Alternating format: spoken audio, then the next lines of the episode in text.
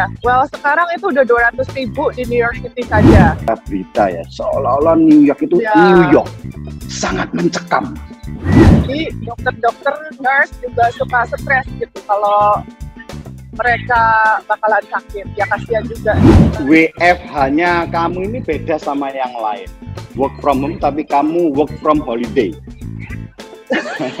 Ternyata New Yorker juga ada beberapa yang tidak patuh seperti orang Indonesia ya. Salam bertahan hidup. Selamat datang kembali di Mata Jam TV Survival Talk. Episode kali ini saya yakin sesuatu yang sungguh-sungguh berbeda. Tetapi sebelumnya seperti biasa, di subscribe dulu supaya semua konten yang inspiratif yang memberikan kita wawasan lahir dan batin bisa selalu terupdate di tempat Anda. Kali ini kita kepingin tahu sih sebetulnya, kan banyak nih bilang yang namanya pandemi ini terjadi di semua negara. Saya akan bawa teman-teman semua kita melihat New York. Saksikan. Hello New York. Salam bertahan itu masih sehat-sehat dah. Selamat pagi. Jam berapa di situ? Pagi. Baru buka mata. Halo, bagaimana kabarnya New York? Apakah seseram seperti yang diberitakan? Aduh, kalau ngeliat backgroundnya itu segar setengah mati, seger banget Iya. ya. Ini sunset sekarang sudah jam berapa? Jam 7. Wah, giliran sunset di situ, sunrise di sini. Matanya aja Ya. belum rise. oh, kali ini Ya. terima kasih banyak. Thanks a lot sudah disempatin eh, yang eh, bisa sharing. Saya ini lagi kepingin tahu nih, sebetulnya apa sih yang terjadi sebetulnya di dunia dari belahan dunia mana pun. Karena kalau lihat berita itu ya, New York itu kan Ya. kelihatannya so serem gitu ya. Tapi when I look at your Ya. background ya, waduh, saya iri loh, mending saya di situ rasanya. Oh tapi enggak, sebelum jangan. di- tapi sebelum dijelasin nih, mungkin eh, Ya. para penonton ini kepingin tahu siapa sosok orang yang keren ini yang sedang berada Waduh. di New York. Enggak, enggak keren-keren juga. Eh, nama saya Shanley Suganda. Eh, saya sudah pindah ke Amerika semenjak 1995. Udah 20 tahun lebih. Lebih lama tinggal di sini daripada tinggal di Indonesia. Eh, bahasa Indonesia masih bisa karena ya emang bahasa ibu eh, dan setiap tahun juga pulang untuk diving. Oke. Saya adalah diver. eh, eh, saya suka diving di Indonesia. Eh, well, karir saya di sini fashion design merangkap dengan UX design. Eh, saya juga ngajar um, art di Academy of Art University. Ya, saya senang banget nih. Ini ketika saya kita dengan tim ini menyusun siapa guest-guest yang terkenal selanjutnya langsung terbesit. Wah, ini Miss Shenley nih. Miss. Ya, apa aja? Bener nggak sih? Guru, iya. Ya kan, fashion designer, web designer. Terus apa lagi? Eh, American team weightlifter ya. Eh, Olympic weight, weight, weightlifting ya, luar biasa. Tapi sebelumnya sebelumnya ini seperti tadi di awal pembukaan saya ini kepingin kepingin menggali lebih dalam lagi, kepingin tahu penasaran banget. Karena kalau saya melihat seperti di berita-berita ya, seolah-olah New York itu Ya. New York sangat mencekam. Tapi Ya. ketika saya lihat itu di belakang background seperti itu, Belakang kok tidak mencekam? ya. Nah, keren kan? Kok sepertinya tidak mencekam seperti yang diberitakan ya? What happened there? Um, ngeri sih sebenarnya. Eh, saya, oh oke dari pertama mulai Februari itu, em, kan mulainya Februari ya, yang ini epidemik ini. Well Maret sebenarnya. Saya itu masih di Indonesia, eh, masih berlibur di Indonesia. Saya pulang ke sini itu Maret tanggal 17. Itu sudah deg-degan karena takutnya lockdown. Saya nggak bisa masuk ke sini lagi tapi belum lockdown akan lockdown. Nah situ ngelihat wah setiap hari saya lihat berita wah lima ribu orang sepuluh ribu dua puluh ribu setiap hari naik sepuluh ribu. Wah kaget juga ini orangnya cuma di New York City bukan New York State bukan di Amerika ya. Di kota saya sendiri kok setiap hari sepuluh ribu naiknya kaget juga um, tapi sesudah dua minggu lebih kaget lagi nggak berhenti berhenti naik naik naik terus nah uh, ininya sih uh, paling tingginya itu April 15 itu paling tinggi di New York City. Uh, sekarang itu udah berapa ya? Well sekarang itu udah 200 ribu di New York City saja. Lagi April itu sudah 150-an. Lagi April um, 15 itu sudah paling tinggi terus turun sekarang. Sekarang kan sudah Mei. April juga itu mungkin karena cuacanya masih sedikit winter ya hujan, dingin. Um, jadi mungkin orang cepat gampang sakit. Nah sekarang sudah Mei, ini udaranya udah lumayan, udah orang bisa suka keluar. Dan kalau orang disuruh diam di rumah terus kan New York kan rumahnya bukan rumah, maksudnya cuma flat apartment gitu. Gak bisa orang-orang harus di rumah terus itu buat mental health nggak nggak bagus kan harus kena matahari.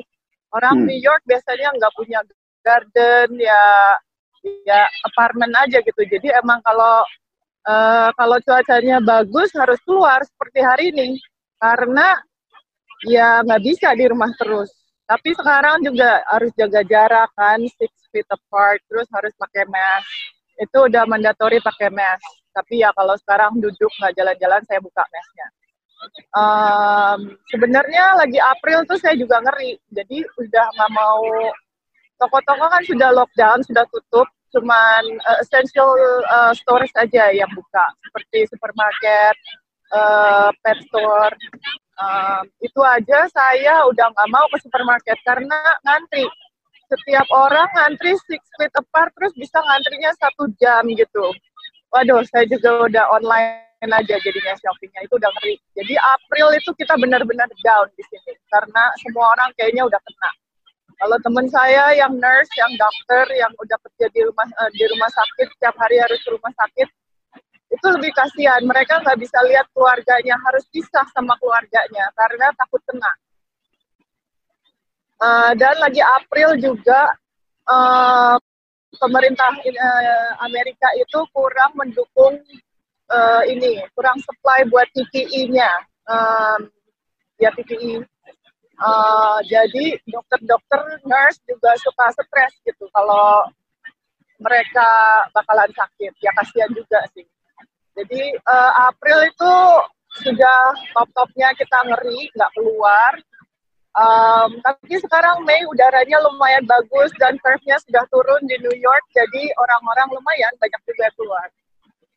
Tapi nggak semua orang keluar seperti teman-teman saya belum uh, belum mau keluar rumah.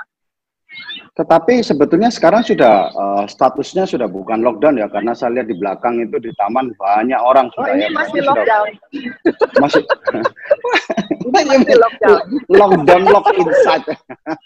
Tapi masih boleh ya. Jadi boleh, uh, boleh ya? keluar, ya? uh, cuman nggak boleh kayak main basket itu itu ring basket di park-park di di park di daerah sini udah dicabut semua ring basketnya uh, kalau ada playground buat anak kecil udah di uh, kunci pintunya nggak bisa masuk kan kalau ini outdoor park nggak bisa dikunci jadi orang-orang tahu ke sini Uh, ini sebenarnya kurang kurang rame sih. Biasanya lebih rame oh. dari sini juga. Emang orang New York juga uh, kurang suka mengikuti peraturan. Semaunya dia juga. Sama dong, itu sama dong. Iya, Artinya tidak ada satu individu di dunia itu yang suka dikonten harus tidak boleh melakukan segala sesuatu namanya aja juga makhluk sosial. Tapi yang saya kepingin tahu ya, ketika kita berbicara New York itu yang angka yang di yang diumumkan semua itu kan bukan New York State tapi New York City. Yang New dimaksud York City aja. New York City itu apa? Tri-state-nya apa? Apa ya? New York City apa? So, Brooklyn, New York City itu uh, ada lima. So, Manhattan itu main island, ini Brooklyn. Saya dari Brooklyn sekarang. Jadi okay. ini di belakang saya Brooklyn Bridge, ini Manhattan Bridge di sebelah sini. Um, so Manhattan, Brooklyn, Bronx, Queens, uh, Staten Island. Kalau jembatannya yang terkenal itu kan tiga ya, Brooklyn. Uh, saya masih ingat BMW yang ngomongnya. Brooklyn, Manhattan, sama siapa? Satunya apa? W itu? William Williamsburg. Oh, Williamsburg ya, sama. Uh, BMW, jadi BMW. kalau ini selatan, paling selatan okay. itu uh, Brooklyn Bridge, ini Manhattan Bridge. Uh, di depannya Manhattan uh, itu sebelah situ kelihatan nggak bridge satu lagi? Kelihatan. Itu kelihatan. Uh, itu Williamsburg. Jadi kalau saya misalnya jalan ke kantor ke Manhattan apa naik sepeda, ya biasanya saya lewat Manhattan Bridge apa Williamsburg di situ karena kantor saya di Midtown.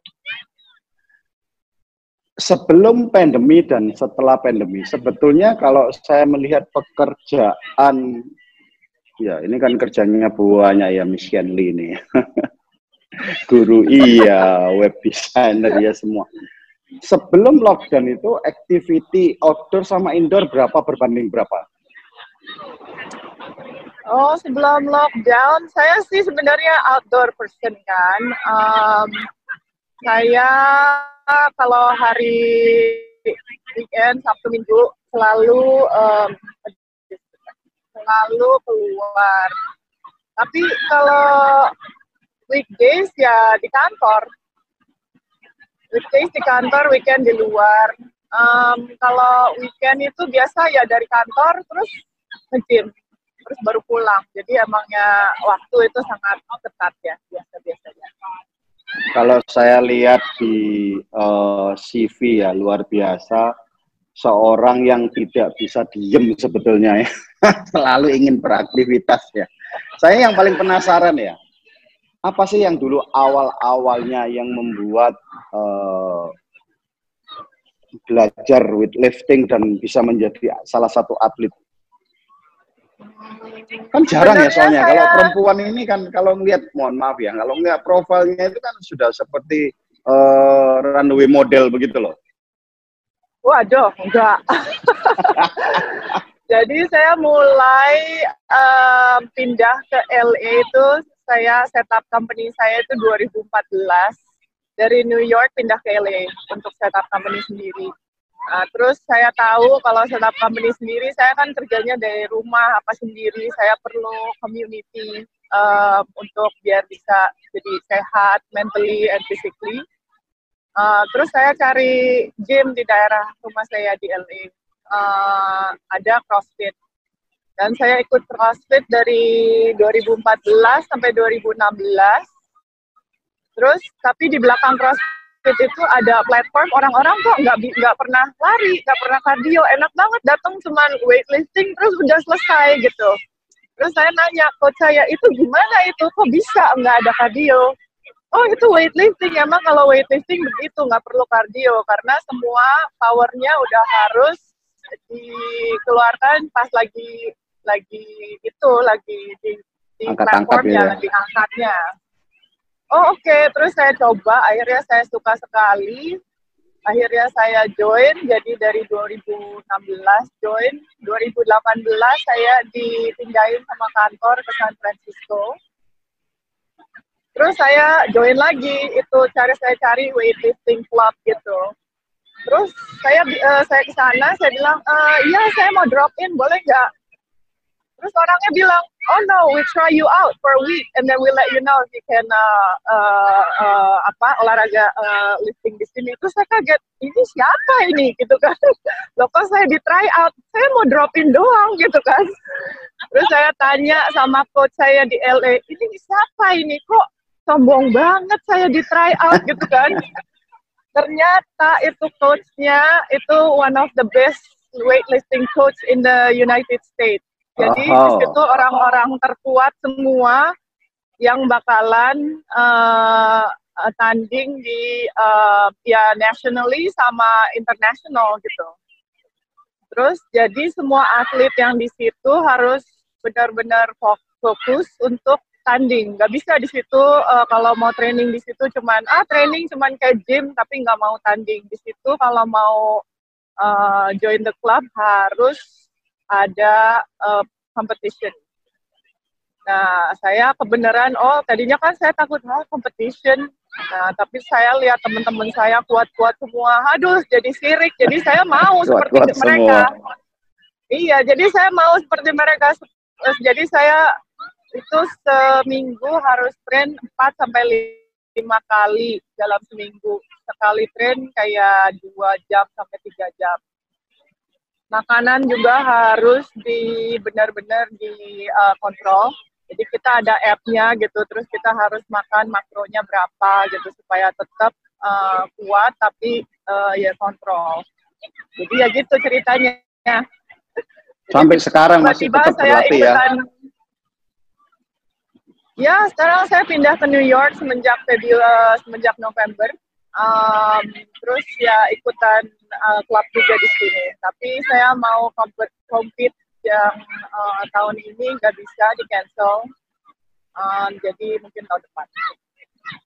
Terus gimana ya ketika lockdown apa masih boleh? Kalau di Indonesia kan fitness uh, tempat kebugaran oh, iya. salah satu itu kan termasuk social club ya itu harus tutup juga ya terus di New ya, York itu harus nggak ya tutup itu tutup harus juga ya? tutup ya? Uh, saya juga sebenarnya itu efek ke saya besar sekali sebagai seorang yang selalu di gym seorang atlet ya yang harus dijaga sampai lima kali di gym sampai kosong nggak nggak nggak bisa ke gym orang-orang bawa equipmentnya kalau punya garasi kalau punya backyard gitu orang-orang bawa equipmentnya pulang supaya bisa latihan. Tapi saya nggak ada garasi jadi nggak bisa. Backyard saya juga nggak bisa dipakai ditaruh equipment. Jadi ya sekarang saya itu ya apa problem terbesar buat saya.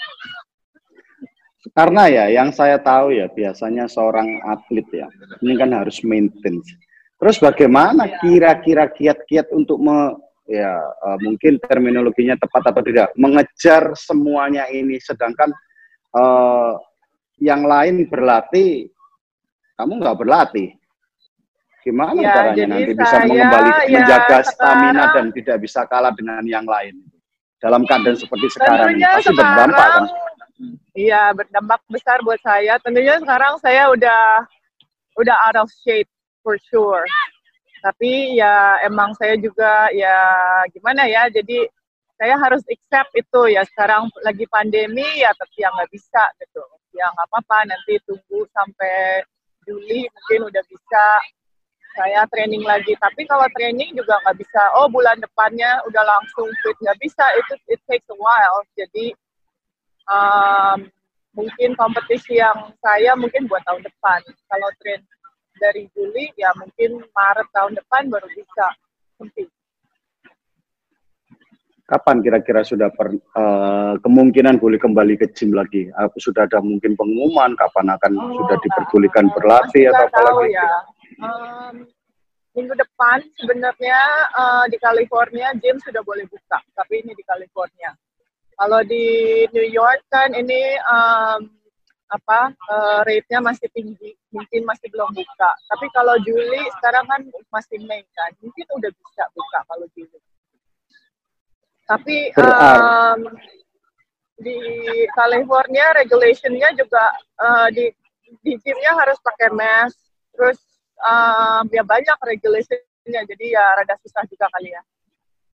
Berarti tidak lama lagi sudah sudah boleh berlatih ya? Itu itu ya, kalau masalah latihan. Tetapi kalau menjaga tubuh sendiri dari asupan makanan, gizi yang intiknya itu oke okay dong Mas Yan. Yang penting kan itu ya.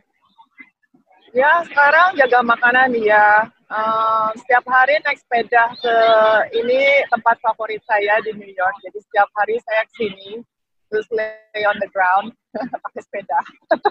saya sih kepingin tahu boleh nggak diliatin aktivitas yang ada di oh, belakang? Gini. Jadi ini uh, Brooklyn Bridge itu kita hampir sunset sekarang ya. Uh, ini uh, Manhattan Bridge. Terus itu ada carousel, uh, Jane Carousel namanya. Terus mungkin nanti saya bisa uh, bawa kalian ke rooftop rooftopnya yang itu tuh dari atas itu. Itu juga oh, keren banget. Padahal ini statusnya lockdown, but people still in the park ya. Iya, Enak ini ya. lockdown ya. ini kayak ya. begini. Tapi kalau misalkan boleh Tapi, memilih nih, ya. kalau boleh memilih, posisi seperti sekarang di New York atau di Bali? Bali. Ini cuacanya lagi bagus hari ini. Kalau besok sudah hujan, udah nggak ada orang di sini. Um, Oke. Okay. Ini soalnya juga ini lagi graduation nih. Um, orang-orang juga foto-foto di sini. Lihat kelihatan nggak? Eh, ya. kelihatan nggak sih? Ya, ya. Ya, kelihatan cuma tidak oh, terlalu besar. Orang ya. graduation ya. Jadi orang-orang keluar hari ini aja, bukan besok. Oke, kalau um, bicara mengenai pekerjaan, terganggu nggak ya. ya? Pekerjaan saya sebenarnya saya ngajar online sudah lima tahun, jadi sama hmm. aja.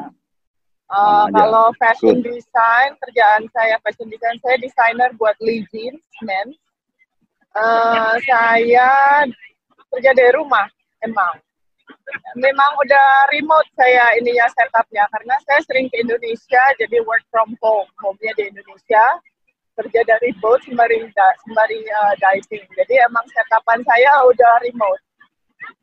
Uh, kalau, uh, WF hanya kamu ini beda sama yang lain. Work from home tapi kamu work from holiday work, work work for holiday work from ya. boat. Jadi kan orang-orang kalau di sini work from home ya, saya home-nya ya bilangnya di Indonesia, ya udah. Berarti ya Anda uh, Miss Shenli ini termasuk you are one of the luckiest person in the world.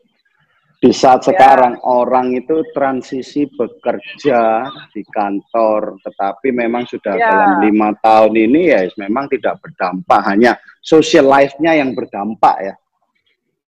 Ya, social life berdampak. Tapi saya ngajar soalnya. Tapi murid-murid saya juga banyak yang kena efeknya. Jadi saya harus bantu mereka. Gimana caranya supaya tidak overwhelm. Mereka kan biasanya tinggal di dorm, di mana sekarang gara-gara um, pandemi ini mungkin mereka nggak bisa kerja juga kan murid-murid saya biasanya kerja di kafe di mana jadi harus tinggal balik sama orang tuanya jadi mereka juga banyak yang stres. Jadi saya juga harus bantu mereka gimana caranya mengatasi supaya uh, stres ini uh, gimana ya nggak terlalu berdampak dari buat uh, ininya ya, buat uh, kerjaannya, proyeknya. Kalau dari uh, pekerjaan atau productivity itu uh, mungkin tidak ada berdampak. Tapi yang berdampak untuk Anda itu mungkin social life. Tapi sesungguhnya merasa stres nggak sih? Saya sih nggak stres, soalnya um, di New York, as New Yorker itu sebenarnya memang sudah individual. Saya kalau ke Indonesia itu, um, kayak saya tuh di ke Indonesia, wah orang selalu bareng-bareng makan setiap hari gitu kan. Kebersamaannya kayaknya uh, kuat ya. Kalau ke kamar mandi aja bareng-bareng ya. Ke kamar mandi aja iya, bareng-bareng. Iya, temenin yuk. Temenin yuk ke kamar mandi. Nanti saya bingung loh, kok mau ditemenin? Gak usah, saya bilang itu udah tahu kok. Tapi kalau di sini memang saya udah biasa sendiri. Um, jadi ya ya kurang berdampak juga soalnya kalau mau ngobrol sama temen ya bisa lewat zoom itu masih masih selalu kan misalnya sama temen seminggu dua kali lewat zoom belum sama coworker setiap hari Zoom sampai tiga empat kali. Jadi social life-nya saya sih ya biasa aja ya. Dan sebenarnya saya kalau weekend gitu, kalau cuacanya bagus, ya saya sama with my best friend gitu ke upstate New York hiking di gunung. Ya udah itu sudah cukup gitu. Berarti kalau kita berbicara productivity Anda sendiri itu tidak menurun ya, tetap lah ya. Uh, kalau productivity sebenarnya menurun sedikit, tapi saya udah tahu kalau pandemi ini kan saya change my expectation gitu. Nggak bisa saya level productivity tadinya di kantor segini, mau di rumah segini, emang nggak bisa. Selalu ada distraction di rumah. Seperti ada papi saya, eh, ada uh, anjing saya main dulu, nanti harus masak. Soalnya kalau di kantor saya lunch udah disediain. Jadi tinggal pick up. uh, misalnya dinner nggak ada waktu buat masak ya tinggal turun ke bawah sebelum naik subway bisa pick up apa dulu cepet jadi very convenient kalau di sini Nah, pandemi itu saya harus masak setiap hari. Nah, itu dia yang saya nggak biasa. Tapi tapi yang andai andai kata yang paling penting kan sekarang di seluruh dunia itu mungkin berdampak terhadap income. Tapi income juga nggak berdampak kan? income sebenarnya berdampak. Jadi uh, pekerjaan saya yang uh, fashion design itu dikurangi, itu udah normal di sini dikurangi 20 persen. Tapi tapi as a fashion designer kan nggak harus kerja di dalam kantor kan artinya di taman pun bisa desain. Yang paling penting kan idenya keep flowing begitu kan? Hmm, iya sebenarnya nggak usah di kantor. Tapi di kantor kan ada production timnya, ada sales timnya, ada sebenarnya saya kerjaannya kan bukan desain aja. Jadi saya harus um, customer kita kayak misalnya Costco gitu. Oh iya Costco mau datang, wah saya harus uh, kerja sama sama production team. Bilang uh, gimana cari desain yang gimana costnya cocok buat Costco gitu. Terus ya maksudnya saya harus kerja sama tim-tim lain bukan saya aja. Di Indonesia ini kata-kata UX and uh, UI designer itu enggak umum. Yang ada itu adalah web designer. Sebetulnya apa sih bedanya ya Uh, sebenarnya UX design itu uh, dis, no sebenarnya web design itu part of UX design. UX design itu dari permulaan uh, kita UX design itu macam-macam ada sekitar 7 atau 8 title bisa masuk UX design semua. Dari pertama dari research. Uh, misalnya company research kita harus bikin competitor research. Misalnya kita misalnya uh, Pak Rudi mau bikin company lagi, uh, terus oh misalnya company-nya company A, saya harus sebagai UX designer-nya saya harus cari uh, tiga kompetitor atau empat yang paling dekat dengan uh, idenya Pak Rudi ini. Nanti saya bisa do research gitu. Uh, misalnya mereka strongnya di mana, weaknya di mana, terus uh, kita masuk ke industri itu gimana supaya nggak sama sama mereka lebih bagus dari mereka weaknya mereka apa kelemahannya nanti kita masuk ke industri itu harus gimana? Kita bikin programnya gimana buat company ini? Itu kan research. Terus bisa juga branding.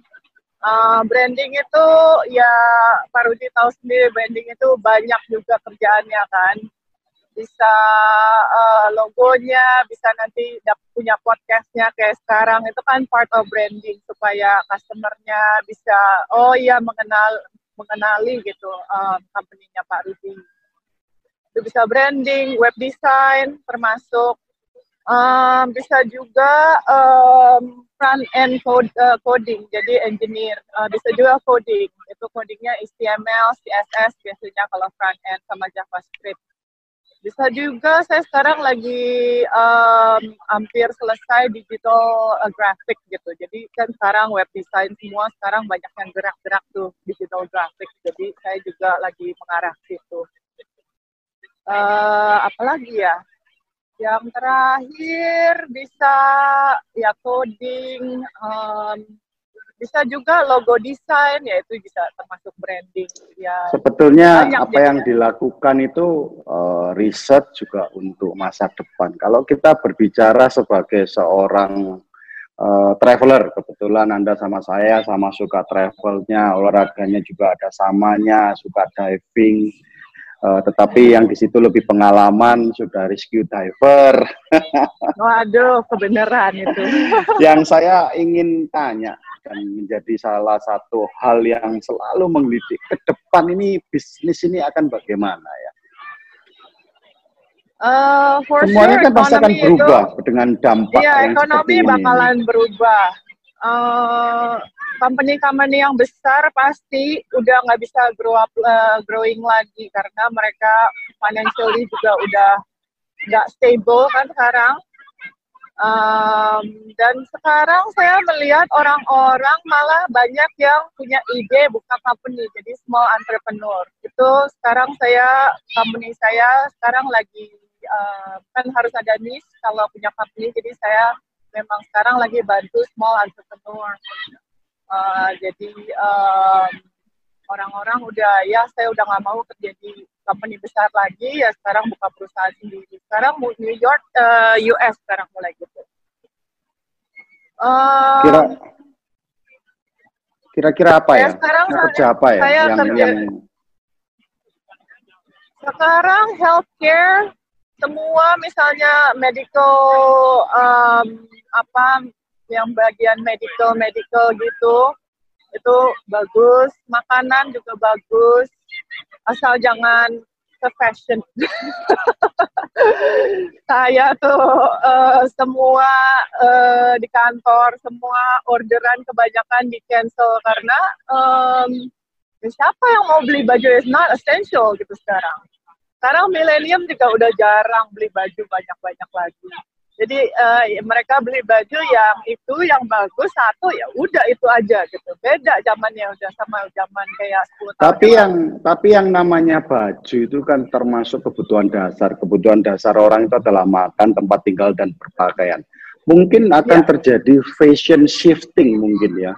Jadi bukan yang ya, ya fashion dalam arti ya uh, kalau orang itu biasanya kalau saya berbicara dengan orang kecantikan itu orang cantik kalau mau keluar rumah tetapi ya sekarang harus melakukan gerakan cantik di rumah.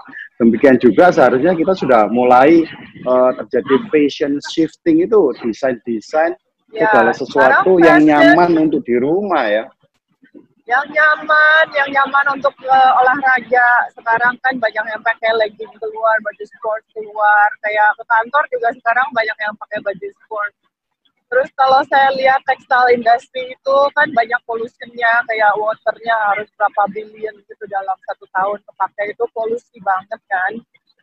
Uh, sekarang banyak teknik yang uh, memperbaiki itu. Jadi untuk uh, dyeing fabric itu nggak usah banyak-banyak uh, ininya, waternya atau dry dye gitu harus yang ada yang keringnya pakai apa. Jadi less chemical pollution.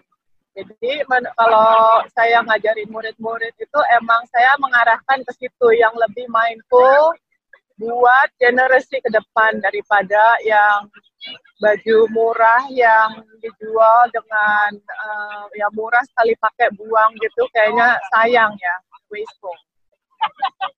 Jadi sekarang Jadi mungkin lebih uh, banyak fashionnya ke arah face casual casual begitu ya?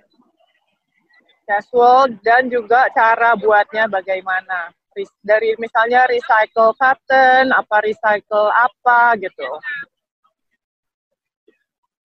kalau sekarang ini sebetulnya uh, banyak orang yang saya mungkin melihat itu ya.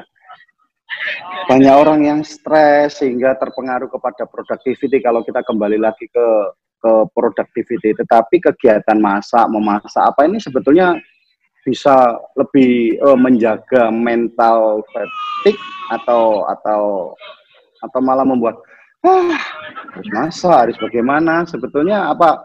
Karena kalau saya lihat ya dari energinya kamu itu sama sekali nggak ada lalu energinya gitu loh up to the top terus Um, ya, saya sih emang nggak stres orangnya. Tapi kan uh, banyak juga temen saya yang stres, yang sudah saya sebenarnya suka masak, cuman saya nggak suka masak setiap hari gitu. Itu aja. Kalau teman saya itu ada juga yang emang nggak suka masak. Jadi kalau misalnya harus masak buat anak sama suami, ya itu susah juga buat dia ya. Um, ya kalau punya keluarga itu stres sih di rumah. Jadi harus uh, they have to make sure uh, feed the family, belum punya kerjaannya sendiri, belum harus bikin schedule buat anaknya. Soalnya anaknya kan udah of schedule dari sekolah, terus di rumah terus kalau nggak dibikin schedule sama orang tuanya, the new normal gitu, schedule buat the new normal ya susah juga. Jadi kalau punya anak keluarga ya emang susah sih sekarang during the pandemic. Jadi tipsnya apa supaya orang nggak stres keadaan seperti sekarang ini? Ada berapa yang mungkin tipsnya bisa di-sharing? harus accept kalau this is the pandemic gitu. Jadi Dan, satu, acceptance. Uh, ya accept terus harus juga uh, expectationnya nggak bisa terlalu tinggi kayak di kantor segini kok di rumah saya nggak bisa kerja segini harus di accept itu expectationnya nggak usah tinggi tinggi emang di rumah memang selalu lebih rendah productivity-nya terus juga saya sarankan supaya uh, do a brief uh, technique gitu jadi kayak breathing meditation dan juga do uh, visualization gitu. Jadi hari ini saya mau ngerjain apa aja, oke, okay, oke okay, gitu yang yang sebisanya aja nggak usah terlalu high expectation. Oke okay, hari ini saya harus gini gini gini, terus visualization oke okay, semua lancar, oke okay, gitu. It helps. Terus harus juga dibikin schedule buat sendiri gitu. Kayak saya pagi bangun jam segini nanti uh, misalnya harus keluar uh, jalan bawa anjing saya jam 2 uh, terus harus biking jam 5 jadi nggak kerja sampai jam 7 kan susah banyak orang yang kerja di rumah nggak biasa sampai jam 7 jam 8 masih kerja nggak bisa stop. Tapi kalau di expect dari pagi misalnya jam 5 saya harus biking ke sini ya udah jadi biking kerjanya stop. Ya itu memang, yang ini. Terus memang juga yang harus, paling berat uh, ini adalah masa transisi soalnya ya ya terus harus juga mindful eating itu harus dijalanin uh, karena kalau di rumah nggak mindful eating makan apa aja kan you don't feel well. Jadi ya itu aja sih sebenarnya saya simple aja. Jadi memang memang yang paling tidak mudah itu sebetulnya juga terjadi sempat di di saya sendiri ya. Soalnya kita ini tidak bisa menerima karena yang namanya uh, orang bekerja iya. bisnis itu punya punya rencana jangka pendek, jangka menengah dan jangka panjang dan semua ini terganggu begitu loh ya. Jadi iya. kadang-kadang bisa ah ini mau gimana sih? Tetapi berjalannya dengan waktu saya setuju ya. Acceptance yang paling kita ini harus bisa iya, menerima. Ya, kadang-kadang nggak sadar kalau kita stres. Jadi kalau kita marah-marah gitu nggak ada ini kok sedikit-sedikit marah kita harus sadar bahwa itu tuh stres jadi oh saya lagi stres oke okay. oke okay, sekarang oke okay, take deep breath terus jalan dulu keluar apa gimana jadi harus sadar itu stres gitu biasanya orang nggak tahu itu stres ini kalau view dari rooftop itu bakal gimana? Bisa kelihatan apa aja ya? Saya penasaran. Oh ya, bagus nih dari rooftop. mau dong, mau dong. Nah, saya jalan Pasti ya sekarang ya. Mau, iya. Karena karena karena ini saya yang menarik ya. Kita kita sudah berbicara berapa menit.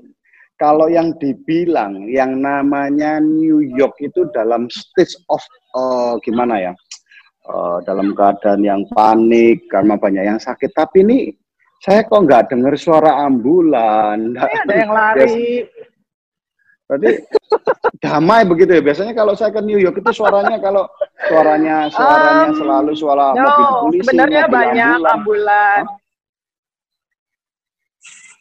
Banyak di kota. Kalau ini kan di dekat beach ya. Jadi mobil nggak bisa ke sini, cuman sepeda aja sama jalan tenang sekali ya rasanya ya. Uh, ini karuselnya ya di sini enaknya kita bisa ke park, jalan, uh, ya tapi Indonesia juga enak. tapi saya sebenarnya bedanya Indonesia sama sini kalau saya Iya, teman Nah, itu baru dengar siren. oh iya, di situ. baru dengar. Jadi di IG story teman saya kayaknya masak setiap hari, siap-siap bagus videonya. Terus saya bilang, wah hebat, ini masak terus setiap hari. Enggak, sebenarnya pembantunya yang masak. saya bilang, oh curang. saat, saat sekarang nih ya, kalau saya merasa itu begini loh. Uh, sebagai orang yang suka traveler seperti kita ini dalam waktu dekat ini mungkin kita masih belum bisa traveling as normal as before ya karena akan ada yang namanya new normal, new protokol dan semuanya. Yeah. Tetapi dengan adanya teknologi yang luar biasa ini kita bisa saling update dan live apa yang terjadi di New York begitu. Saya bisa lihat itu bisa bisa ngobatin juga. Jadi mungkin ke depan itu kita harus buat bisnis yang namanya Oh. Mungkin ke depan itu kita mesti buat yang namanya virtual tourism ya.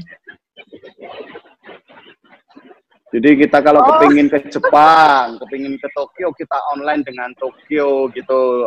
Mungkin itu salah satu prospek bagus sih. bisnis virtual tourism ya. Soalnya seperti Pak Rudi, saya selalu travel gitu. Sekarang kalau nggak bisa ke mana-mana, stres juga ya. Iya, nanti masa kalau kita selam harus pakai masker juga, padahal kan sudah ada maskernya. Ini ini namanya time out um, market. Jadi ini uh, food court sebenarnya kalau buka. Ini ada ininya. Sekarang saya mau naik tangga ke atas. Wah, penasaran ini Kelihatan dari nggak? atas ini bisa kelihatan. Kelihatan, kelihatan. Tapi sekarang food court-nya juga belum buka ya, nggak boleh buka ya. Iya. Ini sembari nggak jalan menuju Um, rooftop. Jadi eh, sembari jalan menuju rooftop, saya coba akan rekap apa yang saya dapat dari Mission ini bahwa eh, ya yang paling penting sebetulnya di dalam kehidupan di mana pun anda berada ini karena efek dari pandemi ini seluruh dunia. Jadi kita itu mau tidak mau harus cepat menerima. Kalau cepat menerima, kita bisa cepat memikirkan hal yang lain. Dan yang paling penting yang namanya menerima itu ya bukan cuma menerima keadaan pandemi, tetapi ya harus bisa menerima. Oh ya, Ya, outcome acceptance. semuanya ini ya harus bisa di adjust gitu loh ya. Ya, Ya. Outcome itu bisa harus di adjust. Outcome itu dalam arti seperti saya, oh uh, salary-nya misalnya di cut salary. Ya udah. Ya, Ya, cuma kadang-kadang yang yang yang Masih kadang-kadang kelihatan tidak, ya? tidak bisa yang tidak bisa menerima ketika ada pengurangan income itu kan berarti pengurangan lifestyle. Itu kadang-kadang yang sulit juga ya. Karena lifestyle yang dulu Iya, itu masih kadang kan- menyisakan kredit-kredit misalkan lifestyle-nya senang beli mobil, berarti mungkin masih ada cicilan yang Iya. banyak. Nah, ya kadang-kadang mungkin kan itu yang berdampak Ya. seperti itu ya. Oh, udah di rooftop ya? Kelihatan nggak? Wah, kelihatan Satu dong. lagi sih, naik tangga satu lagi. Aduh, Ini kalau ini sebenarnya daerah kantor, jadi begini. ini ini senang banget terobatin Iya. mau jalan. Satu lagi. Semestinya ini dalam dua minggu saya ada di Amerika. Tetapi karena keadaan sekarang saya beberapa hari yang lalu membatalkan tiket ke Amerika. Padahal waktu itu kan saya bilang nanti tak coba mampir ke New York, tapi ya sudah tidak dulu. Amerika tripnya batal dulu. Ya. Tahun anak saya juga aja. sudah pulang, anak-anak saya juga pulang semua dari LA sudah. Sudah semua sama saya di Surabaya sudah. Oh, udah. Udah. Ya, udah sampai. Jadi nih. lockdown di Surabaya. Ya. Wah, boleh dilihat ini di sesi yang terakhir. Ini eh, kameranya bisa diganti nggak ya ke ini ya? Oh, dari tadi harusnya begini. Kelihatan nggak? Kelihatan dong, enak banget. Nah, jadi ini sebenarnya eh, restoran di sini biasanya orang duduk-duduk di luar makan.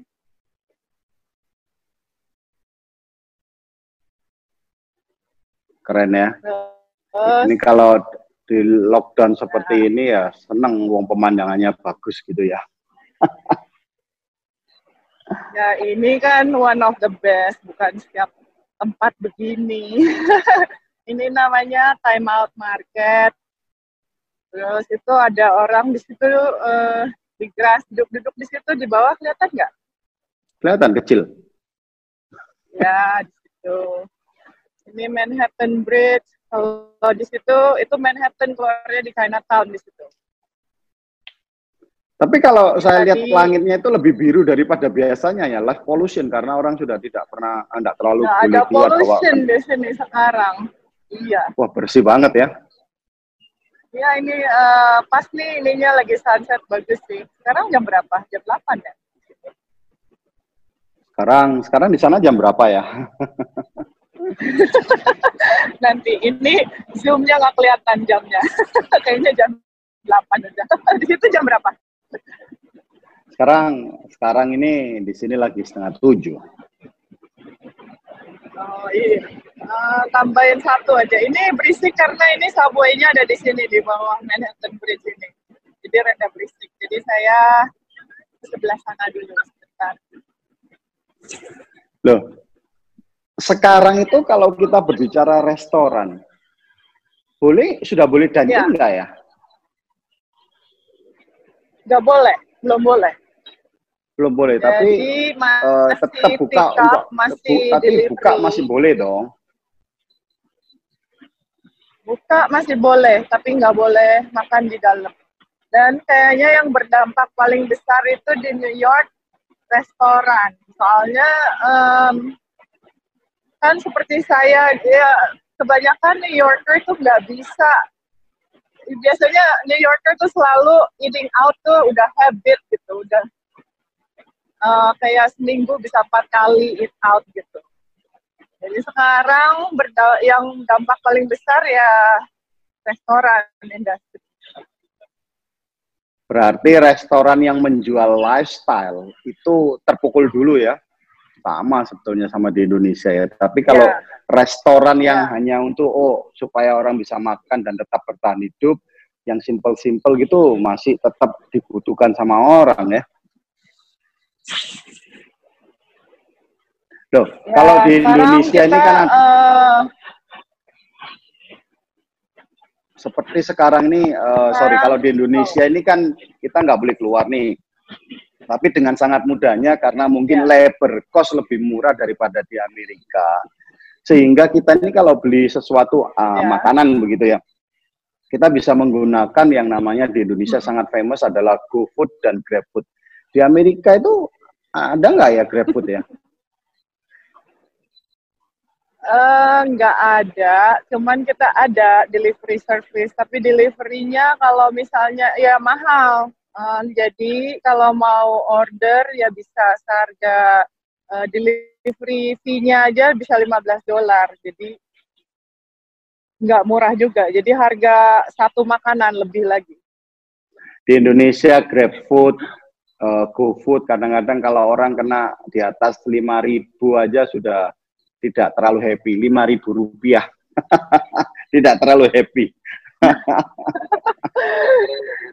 iya, kalau di sini uh, misalnya makanannya berapa ya? 45 dolar. Ditambah taxnya belum, ditambah service fee-nya belum, ditambah delivery fee-nya belum, ditambah tip-nya belum. Jadi, 4, Jadi 45 itu end up ya, 55 ya, bisa 55 lah ya. No, 60 lebih. Ini 45 teksnya, servis teksnya. Oh my God. iya, udah udah bisa ada service fee, ada delivery fee, uh, terus nanti teksnya belum, teks ini, teks itu, terus ditambah tipnya. Kalau udah gitu kangen nggak sih sama Madam Kalau nggak kasih tip, kasihan. Kangen, setiap hari lihat fotonya itu like, wah apa nih? Kenapa nih? ya. Uh, yang terakhir, New York ya, ini sekarang kan lagi pandemi uh, ini banyak hmm. juga. Oh sorry. Nah, nah, sorry, nah, nah, Go ahead. Yuk, yuk, yuk, yuk. Ya banyak Kenapa juga banyak sekarang pandemi? jadi uh, uh, ibu-ibu ibu-ibu Indonesia gitu yang sekarang masakin buat kita kita karena kita kan nggak bisa ke restoran jadi dia kirim email mau nggak ini itu jadi lumayan juga buat ekonomi yang small entrepreneur kayak orang Indonesia gitu.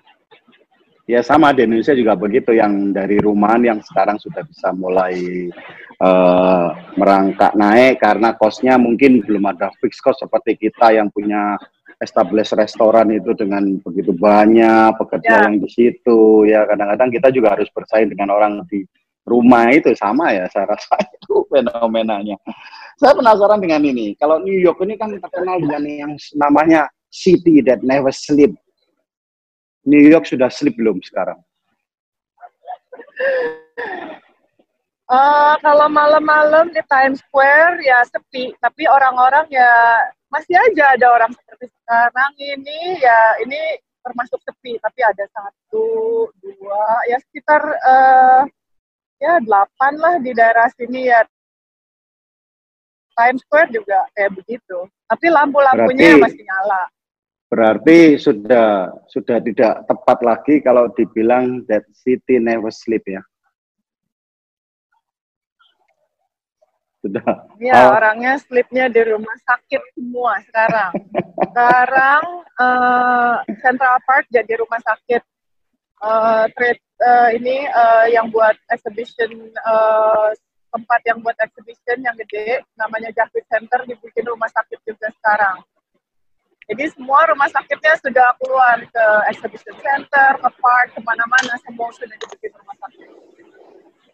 Oke, terima kasih banyak, luar biasa waktunya. Saya senang banget, saya pribadi ini senang banget. Semoga penonton juga senang bisa melihat apa perbedaan uh, pandemi ini, uh, apa yang terjadi di New York, orang Surabaya, orang Indonesia bisa melihat, oh ternyata di New York juga mengalami beberapa hal yang sama meskipun di Indonesia ini uh, ya tidak banyak orang yang patuh, ternyata kita juga tidak tidak sendirian. Ternyata New Yorker juga ada beberapa yang tidak patuh seperti orang Indonesia ya.